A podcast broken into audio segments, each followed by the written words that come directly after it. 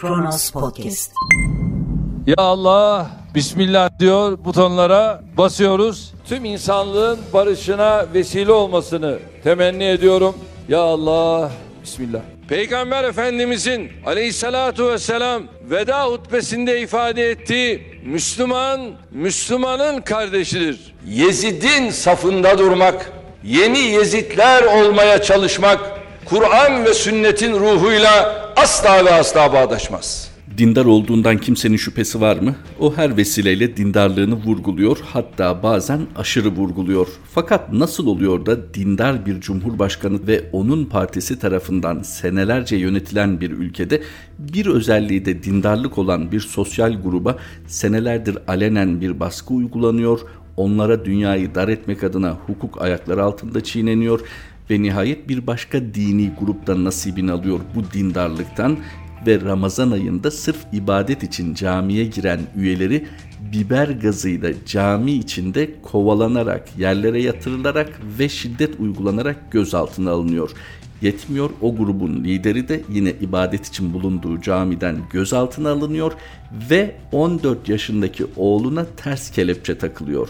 Dindarlığından hiç şüphemiz yok değil mi? Merhaba 4 Mayıs 2021 Salı günün tarihi ve Kronos Haber'de Kronos günden başlıyor. Alparslan Kuytul'un 14 yaşındaki çocuğuna ters kelepçe takıldı. Gaziantep'te bir camide itikafa giren Furkan Vakfı gönüllülerinin biber gazı sıkılarak camiden çıkarılması ve gözaltına alınmasının ardından grubun Adana başta olmak üzere birçok ildeki gönüllülerine operasyon yapıldı. Çok sayıda Furkan gönüllüsünün gözaltına alındığı operasyonda Alparslan Kuytul'un 14 yaşındaki oğlu da alındı. Kuytul'un 14 yaşındaki oğluna polisler tarafından ters kelepçe yapılarak gözaltına alınması ise sosyal medyada büyük tepki çekti. İtikafa girdikleri camilerden gözaltına alınan Furkan gönüllüleri hakkında bilgi almak için Adana Emniyeti'nin önüne giden avukat polisler tarafından darp edildi. Gözaltına alınan Alparslan Kuytul'un eşi Semra Kuytul ve avukatlardan Adana Emniyeti önünde bir açıklama geldi. Avukatlar müvekkilimizin güvenliğinden şüphedeyiz, bilgi verilmiyor dedi. Recep Tayyip Erdoğan 28 Şubat döneminin belediye başkanı ve haksız bir şekilde hapsediliyor. Hapishane şartları hep tartışıldı. Orada geçirdiği ya da ağırlandığı 4 aydan sonra siyasette el yükseltti tabir caizse yeni bir oluşuma gitti. Fevkalade hızlı bir şekilde iktidara geldi. Girdiği ilk seçimde %34 oyla tek başına iktidar oldu kurduğu Adalet ve Kalkınma Partisi ve bugüne kadar hep dindar kimliğiyle bilindi. O da bu dindar kimliğinin bilinmesinden, konuşulmasından hiç rahatsız olmadı. Sadece bir dönem dindar kimliğinden ziyade demokrat kimliğini vurgulama ihtiyacı hissetti. Fakat son zamanlardaysa dindar kimliğini daha çok vurguladığını, söylem bazında hep altını çizdiğini görüyoruz. Olamaz mı? Elbette olabilir. Bir insan dindar olabilir. Bir insan dini hassasiyetler taşıyabilir. Peki bunca dindar olduğunu bildiğimiz, dini hassasiyetinden hiç şüphe etmediğimiz bir idarecinin idaresi altındaki ülkede sadece ve sadece ibadet kastıyla bulundukları camilerden insanlar biber gazıyla çıkarılıp gözaltına alınabilir mi? Sosyal medyada dikkatinizi çekmiş olabilir. Filistin benzetmesi yapıldı. Hani İsrail polisi Filistinlilere mi yapıyor acaba? Bu şekilde bir takım göndermelerde bulunuldu. Bu dahi şu ana kadar rahatsız etmiş görünmüyor. Gaziantep'teki ilk olayda valilik açıklamada bulundu. İlgili personel açığa alındı, soruşturma açıldı şeklinde. Fakat bu değil. Adalet ve Kalkınma Partisi ve ortağı Milliyetçi Hareket Partisi hani milliyetçi muhafazakar bir kimlikle bu ülke Cumhur İttifakı tarafından yönetilirken bu olan biteni başka türlü de okumak lazım. Neticede milliyetçi muhafazakar tabanına güvenen bu iki partinin bu olanlardan rahatsızlık duyması lazım. Elbette şu denilecektir. Kendi milliyetçilikleri, muhafazakarlıkları bir yana ötekileştirmek istedikleri grupların dindarlığını bir şekilde görünmez yahut da hatalı gösterme çabası var olmadı değil. Bu konuda son derecede deneyimler. Fakat bu kadar göz önünde bu hadiselerin olması akla bir takım soru işaretleri getirmeli. O da nedir? Siyasi partinin normal siyaset yapacağı bir düzlemde kendisine oy kaybettirecek eylemlerden kaçınması lazım. Hatta bunlar hukuka da aykırıysa ısrarla üstüne gitmesi lazım. Bu tür eylemlerde bulunan kamu görevlisi dahi olsa hemen hesabını sorması lazım ki seçmeni gözünde hala o dini kimliği zedelenmesin. Fakat geldiğimiz noktada normal siyasi tavırlar pek bir anlam ifade etmiyor. Çünkü anormalin normale dönüştüğü, Çünkü sıra dışının rutinleştiği bir atmosferde artık Türkiye. Camide Ramazan ayında itikafa girmek yani ibadet etmek isteyen insanlar şiddetle cami dışına çıkarılıyor ve gözaltına alınıyor. Yetinilmiyor 14 yaşındaki bir çocuk gözaltına alınırken ters kelepçe yapılıyor. Hani bıraktık kanunu hukuku bırakacağı izlenim de hiçe sayılıyor. Sahi nasıl bir dindar hüviyet bu? Kamuoyunda dindarlıkları bilinen gruplara da bu kadar açık baskı uygulanabiliyor, bu kadar kanun dışı yaklaşımlar gösterilebiliyor.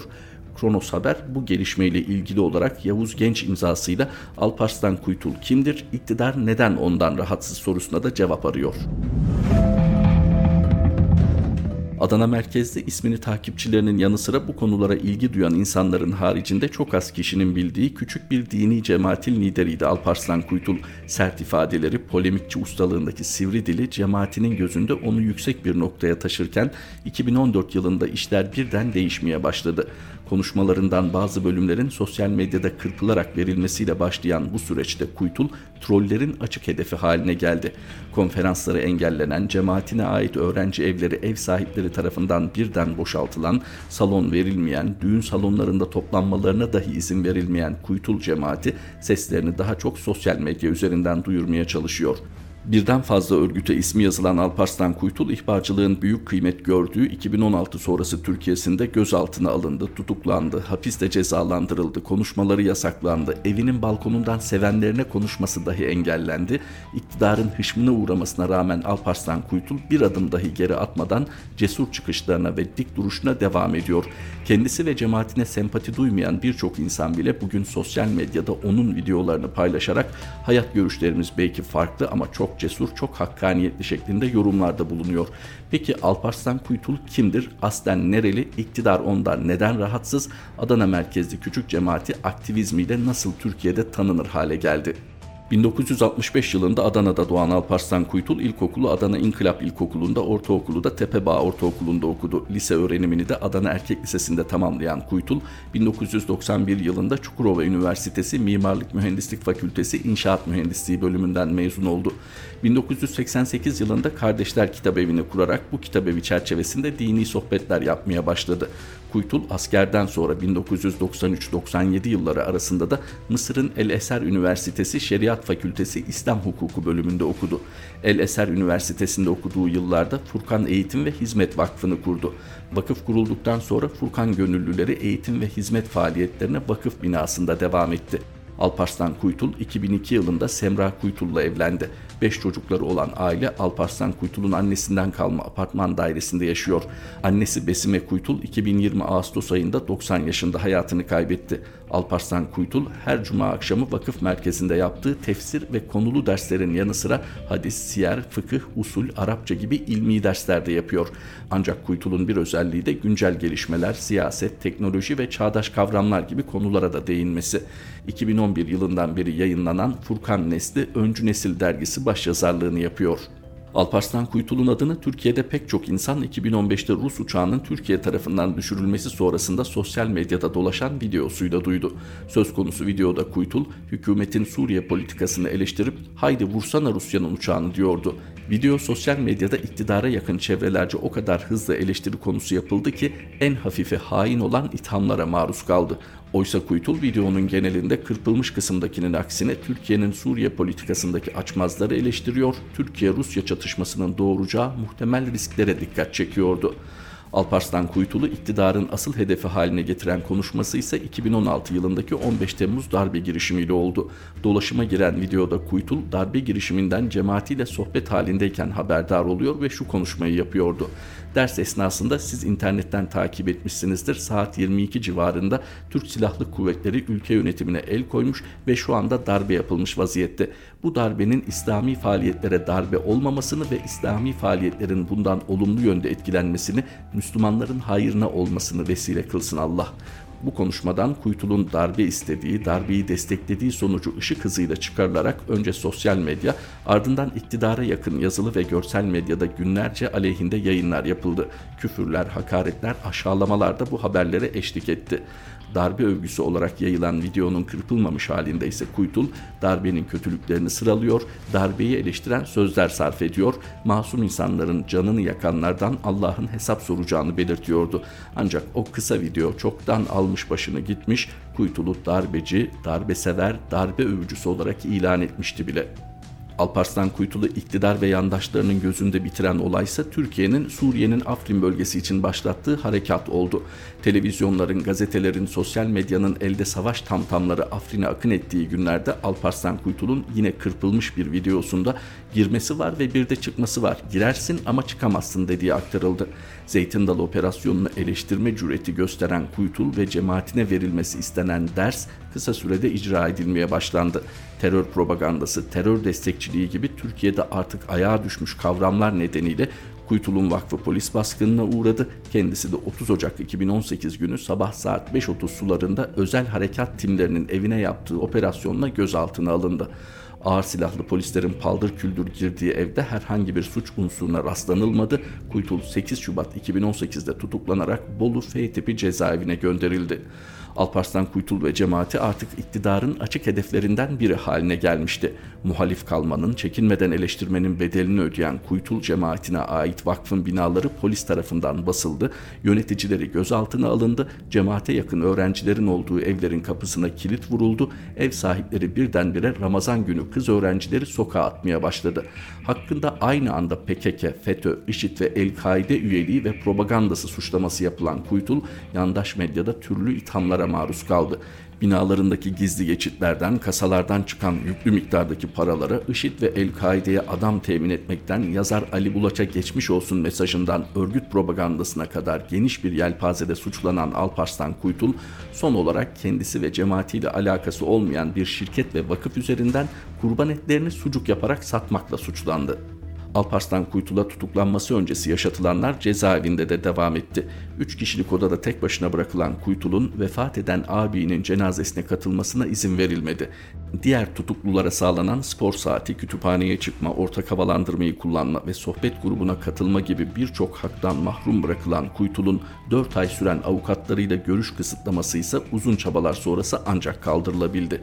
Ailesi onunla görüşebilmek için Adana-Bolu arasında yüzlerce kilometrelik yolculuk yapmak zorunda kaldı. Mahkemesi defalarca ertelendi, tutuklu yargılamaya tabi tutuldu. Alparslan Kuytul hakkında 8 Kasım 2018'de görülen ilk davanın ilk duruşmasında tahliye kararı verildi. Ancak devam eden ikinci dosyasından serbest bırakılmadı. 22, 23, 24 Ocak 2018'de görülen ikinci davanın ilk duruşmasından da yine tahliye aldı ve serbest bırakıldı. Kendisine açılan her iki davadan da ilk duruşmada tahliye almasına rağmen tutukluluğunun birinci yılında serbest bırakıldıktan saatler sonra hiçbir gerekçe gösterilmeden tekrar tutuklandı tahliye kararının üzerinden 24 saat geçmeden yeniden tutuklanan Alparslan Kuytul bir kez daha Bolu F tipi kapalı cezaevine gönderildi ve 5 Aralık 2019 tarihine kadar yaklaşık bir yıl daha cezaevinde kaldı. 663 gün yani 22 aylık tutukluluğunun ardından 5 Aralık 2019 tarihinde çıkarıldığı mahkemeden sonra tahliye edilen Alparslan Kuytul tutuksuz yargılanmak üzere serbest bırakıldı. Kuytul Kasım 2020'de propaganda ve örgüt kurmak suçlamasıyla yargılandığı dosyada tüm suçlamalardan aklanarak beraat etti. Alparslan Kuytul ve cemaatine yönelik operasyonlar, baskılar onu ve Adana merkezde küçük cemaatini Türkiye'nin tanıdığı bir grup haline getirdi. Sivil toplum, sivil aktivizm gibi kavramlarla tanışan cemaat mensupları yaptıkları eylemlerle Türkiye'deki tüm muhalif kesimlerin takdirini kazanmayı başardı. Boyunlarına taktıkları Alparslan Hoca'ya özgürlük yazan atkılarla caddelerde yürüyüş yapan cemaat mensupları havaya balon uçurdular, kırpılmış videoların orijinallerini sosyal medyadan herkesin gözüne soktular. Dava ile ilgili tuhaflıkları ve hukuksuzlukları dile getiren YouTuber'lar bile çıkardı cemaat. Semra Kuytul da eşinin tutukluluğu boyunca yürüttüğü etkili kampanyayla uzak yakın birçok kesimin hakkını teslim ettiği bir çaba ortaya koydu. Yavuz Genç imzalı bir Alparslan Kuytul ve Furkan cemaati özetiydi. Peki dindar hüviyetiyle öne çıkan bir iktidar tarafından senelerce yönetilen ülkede neler yapılıyor? Devam edelim cezaevinde kansere yakalanan KHK mağduru polis hayatını kaybetti.